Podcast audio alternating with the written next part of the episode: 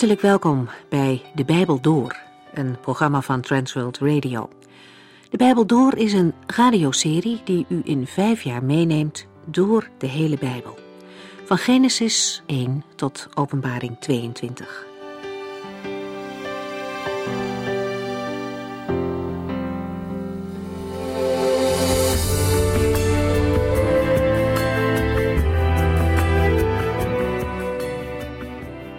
Vandaag gaan we verder in Openbaring 14. Dit hoofdstuk begint met een beschrijving van het Lam van God als hij op de berg Sion staat. Bij hem zijn 144.000 mensen die hem toebehoren. Zij zingen een nieuw lied. Kenmerkend voor deze mensen is hun toewijding aan Christus. Zij volgen het Lam waar hij ook heen gaat, staat er. Dat krijgt des te meer inhoud als we bedenken hoe moeilijk het op aarde zal zijn in die eindtijd als het beest zijn macht volop uitoefent en de mensen gedwongen worden om de antichrist te aanbidden. Het zal een tijd zijn vol geweld, losbandigheid en duisternis. En toch zijn er ook dan mensen die trouw zijn, die onberispelijk leven. Zij leven in waarheid. Leugens komen niet over hun lippen. Dat zegt iets over bij wie ze horen. God is waarheid. In hem is geheel geen leugen. De Satan wordt echter de vader van de leugen genoemd, precies het tegenovergestelde. En daarom is het zo belangrijk dat kinderen van God, net als hun vader, ook in de waarheid wandelen. Deze mensen uit openbaring hebben dat gedaan. Zij gingen niet mee met de massa om hen heen. Verder staat er dat zij maagdelijk zijn gebleven. Dat kan een letterlijke betekenis hebben. In hele zware tijden, in een grote verdrukking, kunnen mensen ervoor kiezen om niet te trouwen. Het kan echter ook een geestelijke toepassing hebben.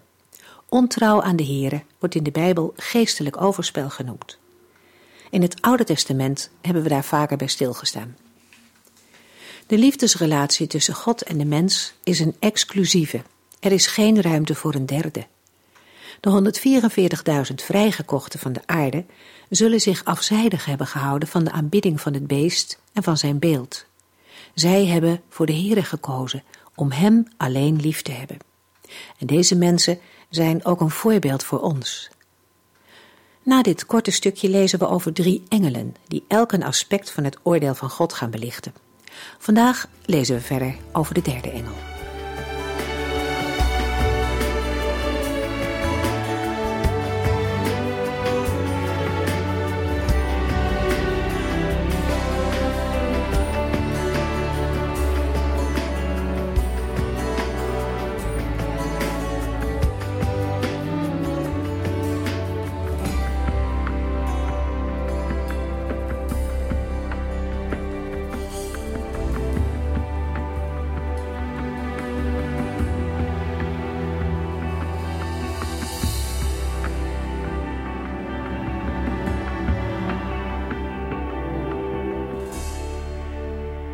Deze uitzending lezen we verder vanaf Openbaring 14, vers 9 en 10. Een derde engel volgde hen en riep luid: Wie het beest en zijn beeld aanbidt en het teken op zijn voorhoofd of hand laat zetten, zal de wijn van Gods woede drinken, die onvermengd in de beker van zijn toorn is gegoten. Die zal door vuur en zwavel gepijnigd worden voor de ogen van de heilige engelen en het lam. De derde engel beschrijft zonder enige reserve waar de aanbidding van het beest uiteindelijk op uitloopt, namelijk op het oordeel van God, de eeuwige dood. In het licht van de versen 12 en 13 is de schildering van het vreselijke oordeel dat de volgelingen van het beest te wachten staat, eerst en vooral als troost bedoeld voor de volgelingen van het lam. Hun staat weliswaar vervolging, lijden en zelfs de martelaarsdood te wachten. Maar de aanbidders van het beest staat een veel schrikwekkender lot te wachten. Daarom de oproep in vers 12 tot volharding voor de gelovigen.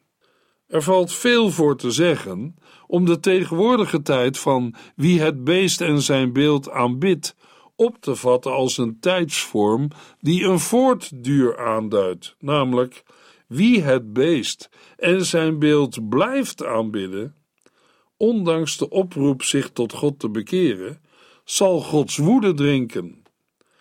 De toonzetting is heel persoonlijk. Wie en hij zal.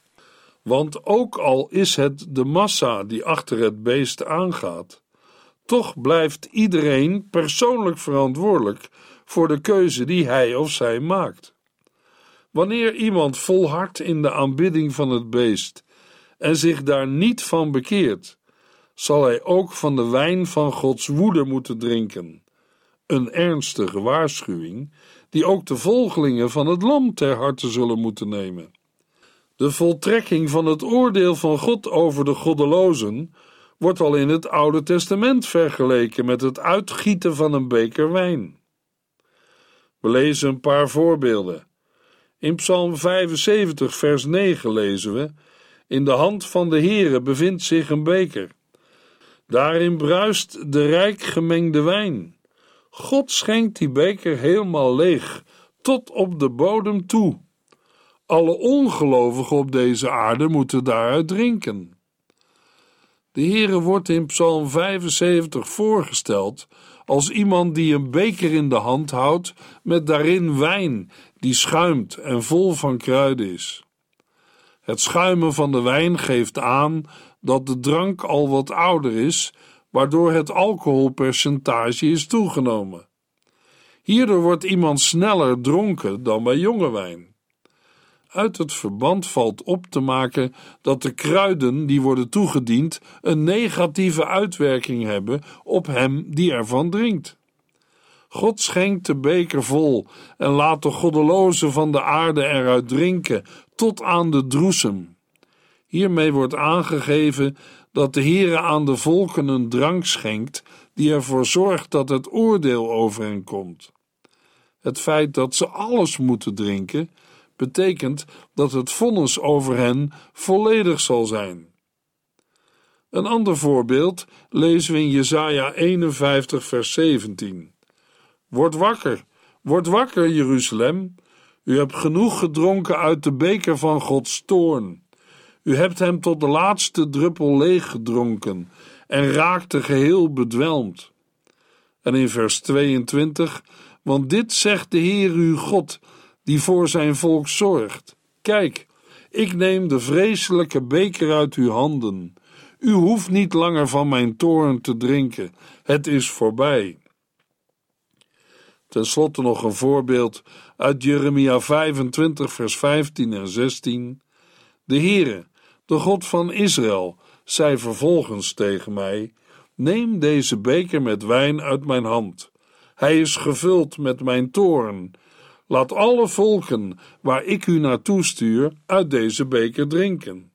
Zij zullen eruit drinken en wankelen, dronken van angst door de dodelijke zwaardstoten waarmee ik hen zal treffen.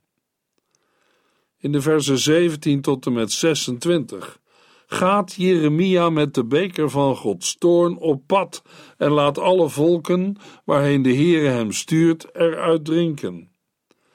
In Jeremia 25, vers 26b tot en met 31 lezen we: En tenslotte dronk ook de koning van Babel zelf uit deze beker, gevuld met Gods toorn. Zeg tegen hem: De Heere van de hemelse legers, de God van Israël, zegt: Drink uit deze beker tot u dronken bent en moet overgeven, tot u valt en niet meer opstaat want ik stuur vreselijke oorlogen over u. En als zij de beker weigeren aan te nemen, zeg dan tegen hen: Dit zegt de Heere van de hemelse legers: Drinken zult u. Ik ben begonnen mijn eigen volk te straffen. Dus waarom zou u vrij uitgaan? Nee, u zult uw straf niet ontlopen, want ik zal de oorlog laten verklaren aan alle volken op aarde. Profeteer daarom tegen hem.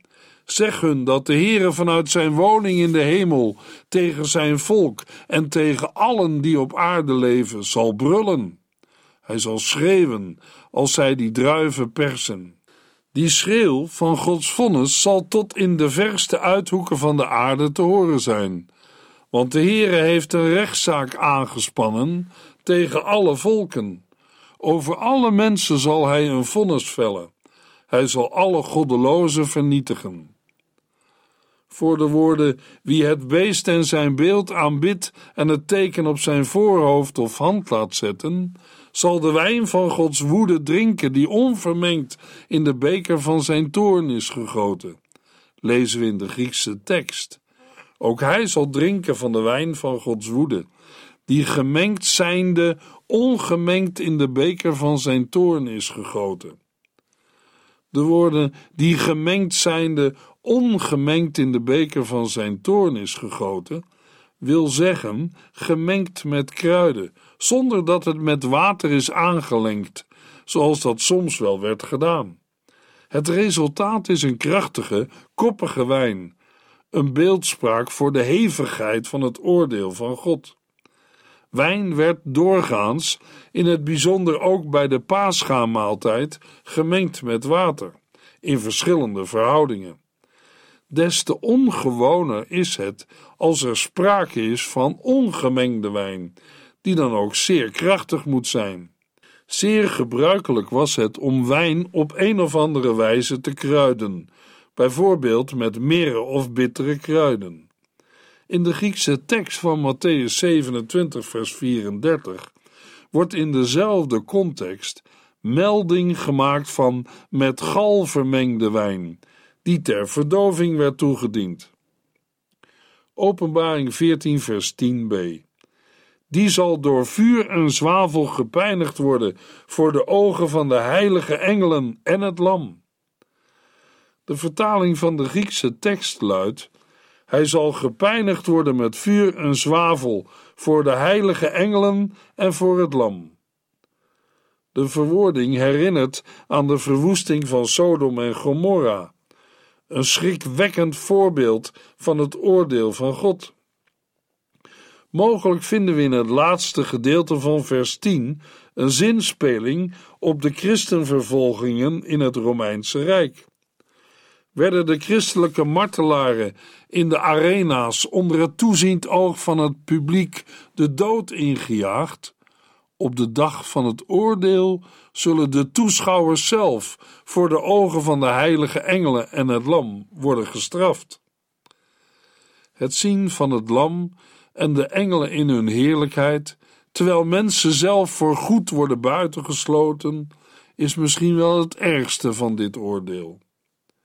Uit Matthäus 25 blijkt dat het oordeel in eerste instantie niet is bestemd voor de mensen. We lezen in Matthäus 25, vers 41. Daarna zal ik tegen de mensen aan mijn linkerhand zeggen: Weg jullie, vervloekten, naar het eeuwige vuur dat voor de duivel en zijn trawanten bestemd is. Het eeuwige vuur was niet van tevoren voor mensen bestemd, zoals het koninkrijk voor de rechtvaardigen. Maar die mensen van wie de namen niet in het levensboek van het Lam staan, worden er wel toe veroordeeld. De hel, de poel van vuur, is bereid voor de duivel en zijn engelen. Openbaring 14, vers 11. De rook van dit folterende vuur stijgt voor altijd en eeuwig op. De mensen die het beest en zijn beeld aanbidden en die het getal van zijn naam dragen, zullen geen moment rust meer hebben. Het oordeel dat in vers 10 wordt beschreven is eeuwig. De altijd maar opstijgende rook wijst op het vuur van de hel dat nooit ophoudt te branden. De straf is ook ononderbroken. De mensen zullen geen moment rust meer hebben. In contrast daarmee staat Openbaring 4, vers 8, waarvan de vier dieren wordt gezegd dat zij zonder ophouden de Heere, de Almachtige God, eren, prijzen en danken. Openbaring 14, vers 12. Daarom moeten zij, die God toebehoren, standvastig zijn geboden blijven gehoorzamen en in Jezus blijven geloven. Net als in Openbaring 13, vers 10 sluit Johannes de voorgaande versen over het oordeel af met een dringende oproep aan het adres van de gelovigen, om tot het uiterste te volharden en het geloof dat zij beleiden niet prijs te geven. Net als in Openbaring 12, vers 17, worden de gelovigen gekenmerkt door het standvastig zijn geboden blijven gehoorzamen en in Jezus blijven geloven. Het lijden en de vervolgingen die de gelovigen in deze wereld doorstaan, zijn het gevolg van de nederlaag van de Satan en niet van zijn overwinning. Zo mogen de gelovigen nu al leren leven en sterven in de zekerheid van Gods overwinning in Jezus Christus. Het bewaren van Gods geboden en het bewaren van het geloof in de Heer Jezus Christus is precies wat hen onderscheidt van de volgelingen van het beest. Juist op die punten komt de tegenstelling tussen licht en duister dan ook het scherpst tot uiting. Openbaring 14, vers 13. Ik hoorde een stem uit de hemel zeggen: Schrijf op. Gelukkig zijn zij die van nu af aan in het vertrouwen op de Heere sterven. Inderdaad, zei de geest, zij zullen van hun zwoegen uitrusten en het loon krijgen dat hun toekomt voor al het werk dat ze hebben gedaan. De oproep van Johannes om te volharden wordt ondersteund door een stem uit de hemel, die een zaligspreking uitspreekt over degene die in het vertrouwen op de Heere sterven. Het is de tweede van de zeven zaligsprekingen die we in het Bijbelboek Openbaring vinden. Vanwege het belang ervan krijgt Johannes de opdracht deze woorden op te schrijven. In de Heere sterven, dat wil zeggen in Christus sterven. Het is sterven in verbondenheid met Hem. Blijkens verband is daarbij in vers 13 in allereerste instantie gedacht aan de martelaren, die omwille van hun geloof de dood vinden.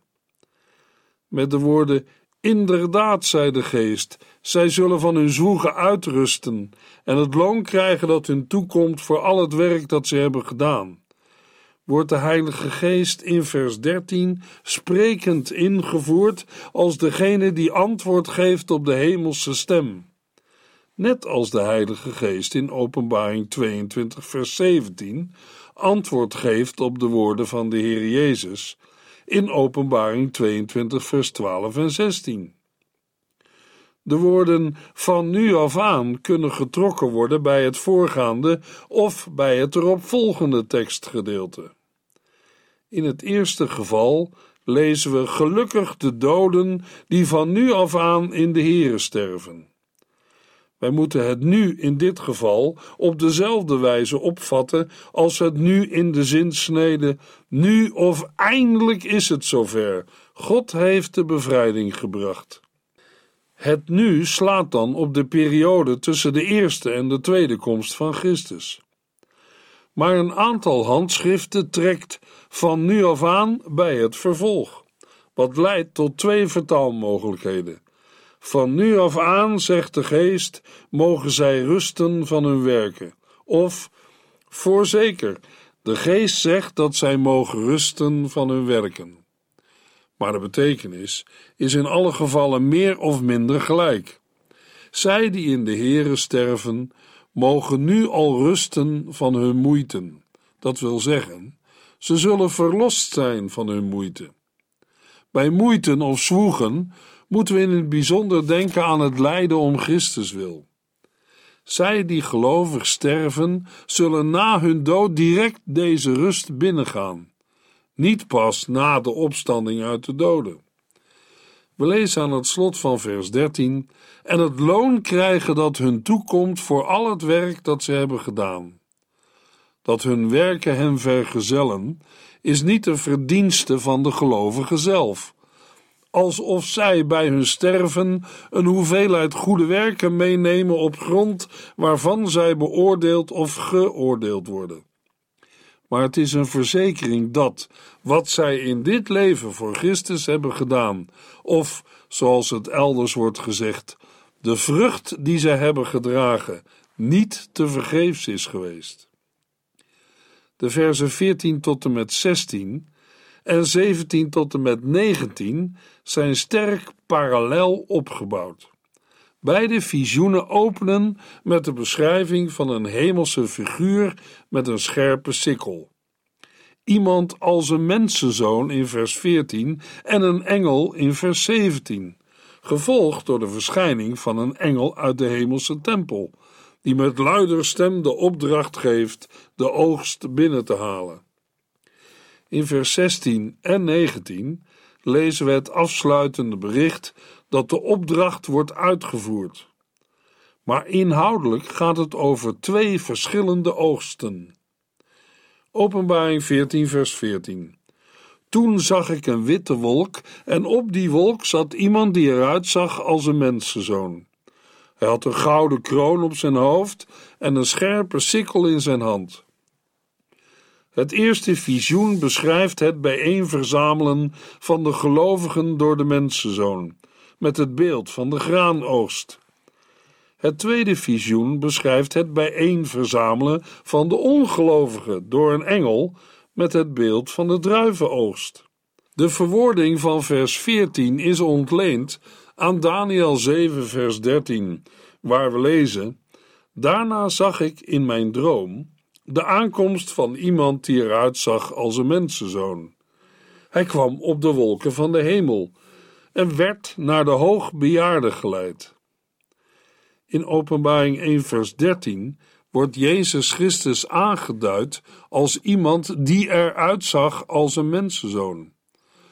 Daaruit is af te leiden dat we hier te maken hebben met een visioen van de wederkomst van de mensenzoon Jezus Christus, en niet, zoals wel wordt verondersteld, met de beschrijving van een engel in de gestalte van een mensenzoon of mens. De Heer Jezus Christus is bij zijn wederkomst gezeten op een witte wolk. Zijn komst in of met de wolken is een vast element van de nieuwtestamentische beschrijving van de wederkomst van de mensenzoon. Wit, licht, helder en stralend hoort bij de hemelse wereld. Dat Christus een gouden kroon op het hoofd draagt, is een teken van zijn koninklijke waardigheid. En dat hij een scherpe sikkel in de hand heeft, geeft aan dat hij klaar staat om de oogst binnen te halen. In Openbaring 19 en 20 zal dit alles uitvoeriger worden ingevuld. Maar in Openbaring 14, vers 14 mag Johannes de grote lijn al zien. Openbaring 14, vers 15. Er kwam nog een engel uit de tempel en hij riep naar hem die op de wolk zat Breng uw sikkel om de oogst binnen te halen. Het is tijd om te oogsten. De oogst van de aarde is rijp. Dat er over nog een engel wordt gesproken, betekent niet dat het in vers 14 ook over een engel ging. De engel sluit niet aan bij de mensenzoon, maar bij de rij van engelen in de versen 6, 8 en 9. En in de versen 17 en 18 zullen nog twee engelen volgen. De engel in vers 15 komt uit de tempel, dat wil zeggen, uit de tegenwoordigheid van de Heere God. De woorden die hij tegen de mensenzoon op de wolk spreekt, zijn dan ook een directe opdracht van God zelf en het roepen van de engel duidt op het belang ervan. De opdracht luidt dat de mensenzoon die zich in het visioen in rust bevindt, met zijn sikkel het koren moet maaien en oogsten. Het is namelijk de hoogste tijd om te oogsten. Letterlijk staat er in het Grieks omdat de oogst van de aarde verdroogd is. Dat wil zeggen overrijp. De beeldspraak uit Joel 3, vers 13, die Gods oordeel aanduidt als een oogst, wordt in de versen 14 tot en met 16 in positieve zin toegepast op het binnenhalen van mensen in het koninkrijk van God. In de versen 17 tot en met 20 wordt de negatieve kant van het oordeel besproken met behulp van het beeld van de druivenoogst. Een sikkel is het lemmet van een mes in de vorm van een halve maan. Het wordt gebruikt om riet of koren mee te snijden. Openbaring 14, vers 16. En hij die op de wolk zat, zwaaide met zijn sikkel over de aarde, en de oogst van de aarde werd binnengebracht. Zeer beknopt beschrijft Johannes hoe de mensenzoon de opdracht om te oogsten uitvoert Hoe en onder welke omstandigheden het gebeurt, wordt niet beschreven. Evenmin het dorsen en wannen na de oogst. Hierdoor krijgt alleen het positieve aspect van het laatste oordeel aandacht. Dit wordt net als in Matthäus 24, 25 en Johannes 5 in verband gebracht met de mensenzoon. Het komt met gebruikmaking van andere beeldspraak ook aan de orde in Openbaring 11, 19 en 20. De mensenzoon oogst door de sikkel in het koren te slaan. Openbaring 14, vers 17 en 18. Ik zag nog een engel uit de tempel in de hemel komen, en hij had ook een scherpe sikkel. Weer een andere engel kwam uit het altaar, en hij had macht over het vuur. Hij riep naar de engel die de scherpe sikkel had: Breng uw sikkel om de wijnoogst van de aarde binnen te halen, want de druiven zijn rijp. Uit het hemelse heiligdom komt opnieuw een engel tevoorschijn, die ook een scherpe sikkel in de hand heeft en klaar staat om te oogsten. Een derde engel geeft net als de engel in vers 15 het bevel aan de maaier om de oogst binnen te halen. Deze engel heeft macht over het vuur. Vuur hangt samen met oordeel. En deze engel kondigt dan ook het oordeel aan. Ook deze engel komt uit de tegenwoordigheid van God. Openbaring 14, vers 19. En de engel zwaaide met zijn sikkel over de aarde en haalde de wijnoogst binnen. Hij gooide alle druiven in de grote wijnpers van Gods toorn, die buiten de stad stond. De engel treft alle voorbereidingen die nodig zijn om de druiven te persen. Maar daarover meer in de volgende uitzending.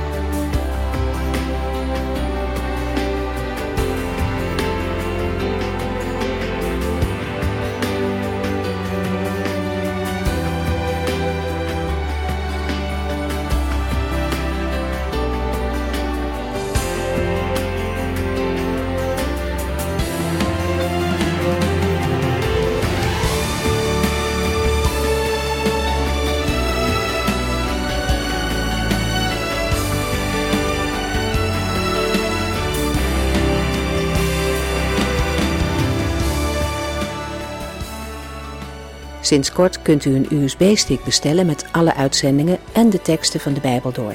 Ons adres volgt in de afkondiging. U heeft geluisterd naar De Bijbel Door. In het Nederlands vertaald en bewerkt door Transworld Radio.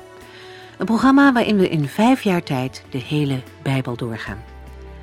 Als u wilt reageren op deze uitzending of u heeft vragen, dan kunt u contact met ons opnemen. Tijdens kantooruren kunt u bellen op 0342 47 8432. 0342 47 8432. Ook kunt u een e-mail sturen naar de Bijbel door at transworldradio.nl en natuurlijk kunt u ook via de post ons bereiken. TWR, postbus 371, postcode 3770, AJ in Barneveld. Dit programma werd gepresenteerd door Corweda en Ike André. Techniek was in handen van Odin van Woerdenkom. En namens ons allemaal bedanken we u van harte voor het luisteren.